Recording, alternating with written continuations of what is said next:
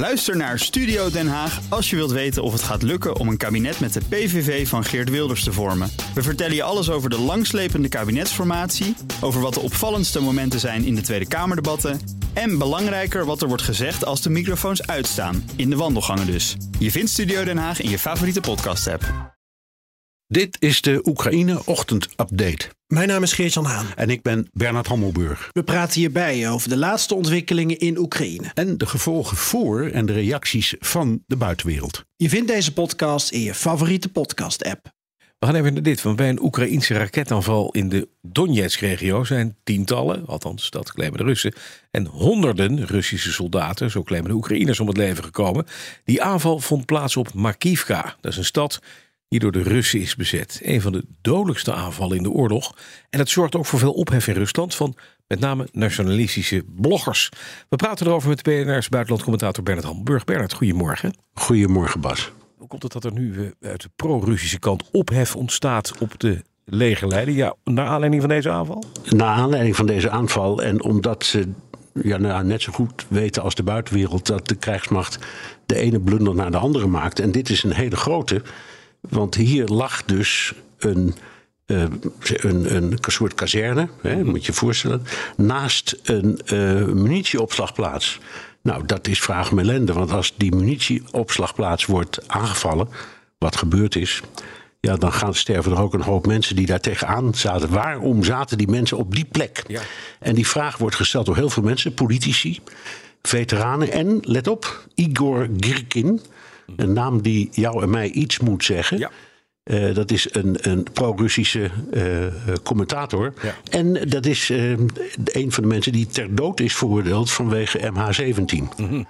En die heeft dus ja, in, in een blog ook gezegd: dit is totaal onaanvaardbaar wat ja. hier is gebeurd. Nou, is, is, dit nou een, een bewuste aanval met dit effect? Of is dit een toevalstreffer van het Oekraïnse leger? Nou, ik, ik vermoed eerlijk gezegd uh, het laatste. Ik, dank, ik denk dat die munitieopslagplaats het doel was. Mm -hmm.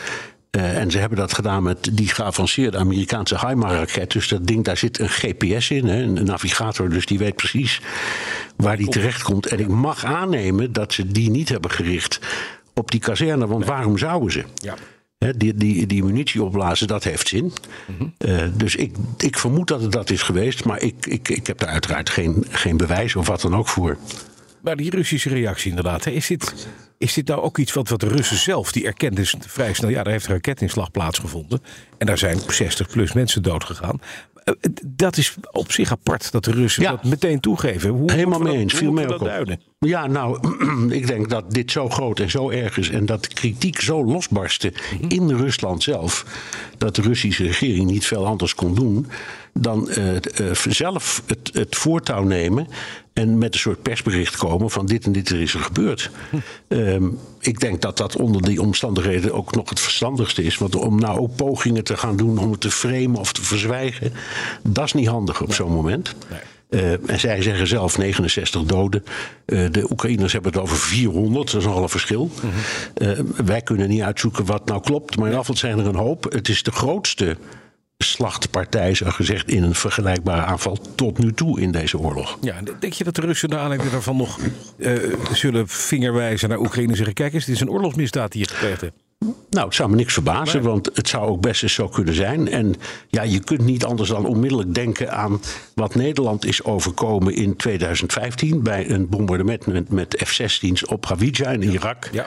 ja. Dat was ook een heel nauwkeurig uitgezocht doel. Overigens door het het opperbevel van die uh, uh, operatie. En dat zat in Qatar, dus dat zijn Amerikanen die het allemaal hebben gecoördineerd. Um, maar in afval, dat heeft, daar zijn 70 burgers bij omgekomen die ja. daar in de buurt zaten. En dat wist de, die piloten of de, de bevelhebbers niet. Uh, en dat heeft ook geleid tot een schadeclaim aan, aan de Nederlandse regering. en dat is ook in het algemeen wordt dat beschouwd als een voorbeeld van toch wel van een oorlogsmisdrijf. Al was het ongetwijfeld niet met opzet. Nee. In dit dit geval, ik zie een hele duidelijke parallel. Ja, dus als ik de Russen was, dan zou ik zeggen: jullie altijd met je grote mond over wat wij allemaal misdrijven. Kijk eens, Kijk eens wat jullie doen. Ja. ja. ja. Nou, zei het al, hè? dit werd met zo'n HIMARS-systeem uitgevoerd. Dat is een vrij effectief wapen, dat weten we. Alleen het kan niet zo ver. Uh, Zelensky die wil, die wil nog steeds, dat pleidooi dat blijft hij maar houden...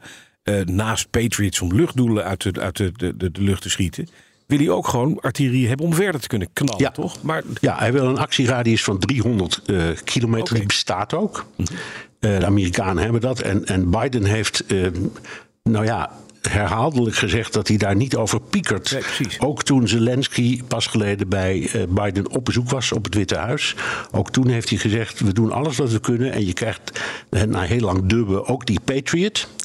Maar dit gaan we niet doen. En dat begrijpen we ook wel, want op het moment dat de Amerikanen dat zouden doen, dan zouden de Russen heel terecht het verwijt aan de NAVO kunnen maken.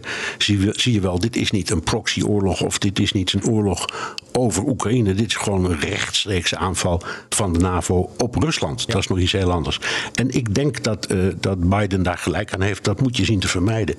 Maar het is voor de, voor de Oekraïners heel frustrerend, want ze zien dat die oprukkende krijgsmacht aan Russische kant. Ze zien dat ze met dit soort aanvallen heel effectief iets terug kunnen doen, maar ze zouden dolgraag iets verder dat gebied in kunnen schieten. Ja. En dat kunnen ze dus niet. Dankjewel. BNR's buitenlandcommentator Bernard Hammelburg. Bij BNR ben je altijd als eerste op de hoogte van het laatste nieuws. Luister dagelijks live via internet. Bas van Werven. En heel langzaam komt de zon op rond dit tijdstip. Je krijgt inzicht in de dag die komt op BNR, het Binnenhof in Nederland en de rest van de wereld. De Ochtendspits. Voor de beste start van je werkdag. Blijf scherp en mis niets.